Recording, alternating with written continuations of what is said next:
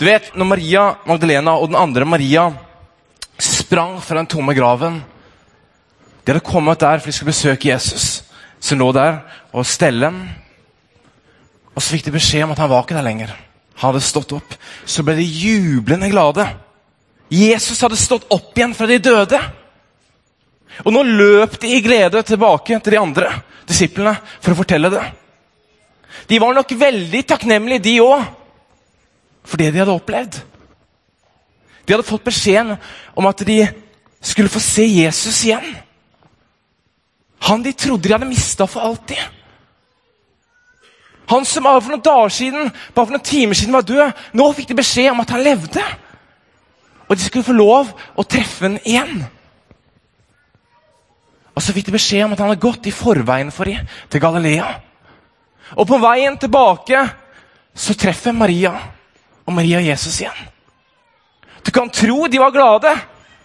De var kjempeglade. Og de var så takknemlige for det de hadde fått lov å opplevd. Hva gjør egentlig meg og deg takknemlige? Jeg søkte på internett bare for noen dager siden for å sjekke litt hva som kommer opp når vi skriver 'takknemlig'. Og Så sto det at Gunhild Stordalen er takknemlig for at hun overlevde sykdommen. Andre som kom opp var 'sellerirot er en takknemlig grønnsak å bruke'. Bytt den gjerne ut med potet. Vi er takknemlige for litt av hvert. Og så sto det 'barn er ikke takknemlig for snop'. Vi vil mye heller ha gress og salat. Stemmer det? Hæ? Er det mange som har fått mye gress og salat i påsken? Nei. Mye snop? Ja. Jeg har en følelse at den setningen ikke stemte. skjønner du. Så den stemmer ikke, den setningen. Dere er takknemlige for snop og glade for snop. Ja, én var glad for snop. Kjempebra. Vet du hva, Jeg har to ting i livet mitt som jeg veldig ofte tenker at jeg er takknemlig for. Og Den ene er familien og vennene mine, de relasjonene jeg har rundt meg. Jeg er så glad i alle sammen. Jeg er så takknemlig for at jeg har de rundt meg i livet mitt. Og vet du hva den andre er? Er det noen som skal tenke seg hva den andre er? Nei, jeg skal røpe det. Jesus. Jeg er veldig takknemlig for at jeg har Jesus i livet mitt. At han bor i meg, at han ønsker å leve med og at han har stått opp igjen. Han har seiret over døden. Hvis vi tror på han, så kan ikke døden holde oss. Vi skal få lov å leve med han for alltid. Hva med de voksne, da? Mamma og pappa. Hvordan viser de sin takknemlighet over påskens budskap? Hvordan viser jeg takknemlighet og påskens budskap? For en stund tilbake så hadde jeg en venn eller bekjent som hadde en alvorlig sykdom som han kunne dø av, eh, men de klarte å gjøre han frisk. Og han, Noe han sa til meg den gangen, har satt seg og sitter fortsatt i hodet mitt. Og det at Han har fått et helt nytt syn på takknemlighet. Hver eneste gang han la seg om kvelden, så takka han for alt det han fikk lov å oppleve. For alt det han hadde fått i livet sitt. Og så slo det meg Det er ikke jeg så flink til. Jeg er ikke så flink med det der å takke. Men jeg skulle ønske jeg var veldig mye bedre til det. Det gjorde noe med meg. For jeg merker at dette var jeg ikke så flink på. Men hva da med takknemligheten over det Jesus gjorde for meg, for oss, i påsken? Vi har akkurat gått igjennom det som på mange måter er kirkens aller, aller, aller største høytid. Er det noen som husker her hva Jesus kom inn på Jerusalem før påske? Han red på noe. Er det noen som husker hva han red på? Ja! Et esel, ja. Kjempebra. Han red inn på et esel, hvor han så hadde sitt måltid med disiplene. Hvor han visste at når han satt og spiste det måltidet, så spiste han det måltidet òg med en som kom bare noen øyeblikk senere til å forråde den, til å svikte den, til å selge den til soldatene, til øversteprestene. Soldatene fanga han, de spyttet på han, rev klærne av han, gjorde narr av han, og til slutt så korsfesta de ham på korset. Selv om Jesus ikke hadde gjort noen ting galt. Det er ganske urettferdig for en som ikke hadde gjort noen ting galt. Og Jesus døde på det korset. Og Så kom de etter hvert bort til korset når han hang der, og de tok ham ned. De la han inn i en grav. Rullet en svær stein foran. Og vet du hva? De satt til og med noen soldater til å passe på graven. At ingen skulle komme og stjele Jesus. Men likevel, når Maria og Maria kom tilbake dit, så var ikke Jesus der. De møtte en engel. Så fortalte de han har stått opp. Han lever. Og dere skal få lov å treffe ham igjen. Dette er påskens budskap, folkens. Magnus Malm skrev et sted hvilken dører er det umulig å åpne hvis man har nøkkelen til døden. Jesus hadde nøkkelen til døden. Han låste opp den døren for alltid. Hva når all påskemarsipan har funnet sin plass på de ulike fettlagrene i kroppen? Tiden med hytte, ski og kakao er forbi for denne gangen. Og påskekyllingen har klekket til siste kolibriegg med sjokoladefyll. Er da påsken over? Men påsken blir ikke over. Iallfall ikke budskapet. Det lever i oss. En oppstanden Kristus. En som har gjort opp for all vår synd og skyld. For Gud fortsetter å leve i oss. Fortsetter å overøse våre liv med sin nåde og sin kjærlighet. En evig påminnelse om at han ikke lenger henger på det korset. Det korset er tomt. Oppstandelsen lever allerede i oss. Den har allerede begynt, for han lever i oss.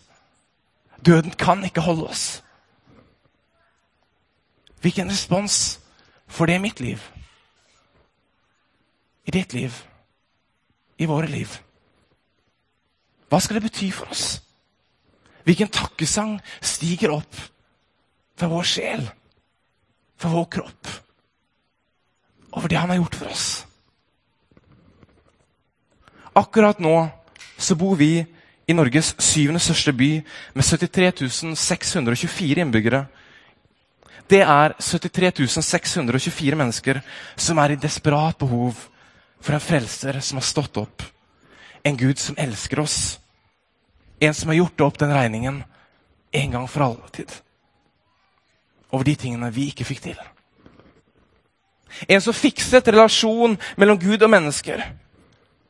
En som ga oss et nytt håp. En som kan gi evig liv. En som sitter med nøklene til døden. En frelse som forteller noe om hvor vi kommer fra, og hvor vi skal hen. Og jeg er en av de 73 624 menneskene som trenger denne frelseren i mitt liv. Og jeg trenger der hver eneste dag. Og jeg trenger der korsfesta. Og jeg trenger der oppstått. Jeg trenger at dette lever i livet mitt. Jeg trenger at dette har skjedd en gang for alle. Alltid. Men at vi fortsatt bærer den troen på det som skjedde. Og vi alle i behov etter en frelser. En redning. For vi kjenner alle, troende som ikke-troende, at vi er omringet av ting i livene våre som ikke alltid er bra. Vi søker svar og trøst feil steder gang etter gang. Problemet er bare det at mange av de 73 624 menneskene vet ikke at de har en frelser som har gjort opp for dette en gang for alle. Som elsker de så høyt at det er ingenting han vil mer enn at de skal finne tilbake til ham. En som mistet sitt liv, og som sto opp igjen i kjærlighet for oss. Og det setter de i lengsel etter et håp et håp vi bærer. Det håp vi feirer her i dag. Neimen, se der! Et påskeegg! Jeg var helt sikker på at jeg hadde funnet siste påskeegget denne påska, men jeg fant ett til. Er det noen som tør å tippe hva det ligger oppi her? Jeg håper det er snop. Jeg er ikke gressets lat. Det har jeg ikke lyst på. Håper det er snop. Er det noen som tipper hva det er? Nei, det var definitivt ikke snop. Nei, et ark! Påskens mysterium er å få øye på Han som mange i dag har glemt. Den setningen forsto jeg ingenting av. Påsken Ja, mysterium det er noe sånn detektivgreier, er ikke det? De finner et mysterium, de finner ut av noe. Ok, Så påsken, jeg skal finne ut av noe. er å få øye på, det må være å se. Ok, Så påsken Jeg skal se noe og finne ut av noe som mange har glemt. Hva kan det være for noe? Ah, hva kan det være for noe? Er det noe som kan hjelpe meg? Ja. Ja! Jesus, ja! Påskens mysterium er å finne Jesus, som så mange har glemt. Men som har gjort noe som ingen andre kunne gjøre. Når han gav sitt liv for oss, når han sto opp igjen, når han fikset relasjonen vår til Gud og gav oss et evig liv. Det er påskens mysterium. Det er påsken i et påskeegg, eller hva du vil ha det i. Det er det det handler om. Per Arne Dahl skrev den setningen for jeg tror det var tre års tid siden. Påskens mysterium er å få øye på Han mange i dag har glemt. Påsken er da kanskje en tid for takknemlighet over at han fant meg. Og jeg gjenkjente han som frelser, konge og Gud. At du gjenkjente han. Og kanskje gjennom vår synlige takknemlighet og hva vi fant, så er det også flere mennesker som vil finne den. Som så mange har glemt. Han vi fremfor noen ikke måtte glemme. Sist lørdag så via jeg min svoger. Det er alltid veldig gøy å vie familie eller veldig kjente venner. Og Jeg hadde min lille datter på tre år som gikk opp som brudepike. og det var jeg veldig spent på. Som fikk se at pappa sto i kjole der oppe. Og Det forberedte jeg på, men det gikk ganske greit. Men jeg sa noe til de på slutten av talen som jeg mener på å si her i dag òg. Når det kommer til de viktigste tingene i livet, er vi nødt til å vite hva vi har. Og handle i samsvar med de her og nå. For der skatten din er, der vil hjertet ditt være. Hvis skatten vår er i hva Jesus gjorde for oss i påsken, i verdens største kjærlighetserklæring Hvis dette er fundamentet i våre liv, så må jeg på en eller annen måte handle i samsvar med det. Hvordan behandler jeg denne skatten? Hvilken plass skal jeg gi den i hjertet mitt, i livet mitt? Hva gjør jeg med den? Man lar ikke bare en skatt ligge og råtne. Man passer på den, for en vet hva en har funnet. Når vi finner noe som virkelig forandrer vårt liv, en skatt framfor noe annet, hva gjør vi med den da? Hvor stor plass får den i hjertet vårt? Og for hvordan vi lever livet vårt? Og hva utløser den av takknemlighet? Så foreslår jeg at vi alle reiser oss og gir vår ære tilbake til Han som elsker oss først. Han er den høyeste. Han er konge. Han er Gud.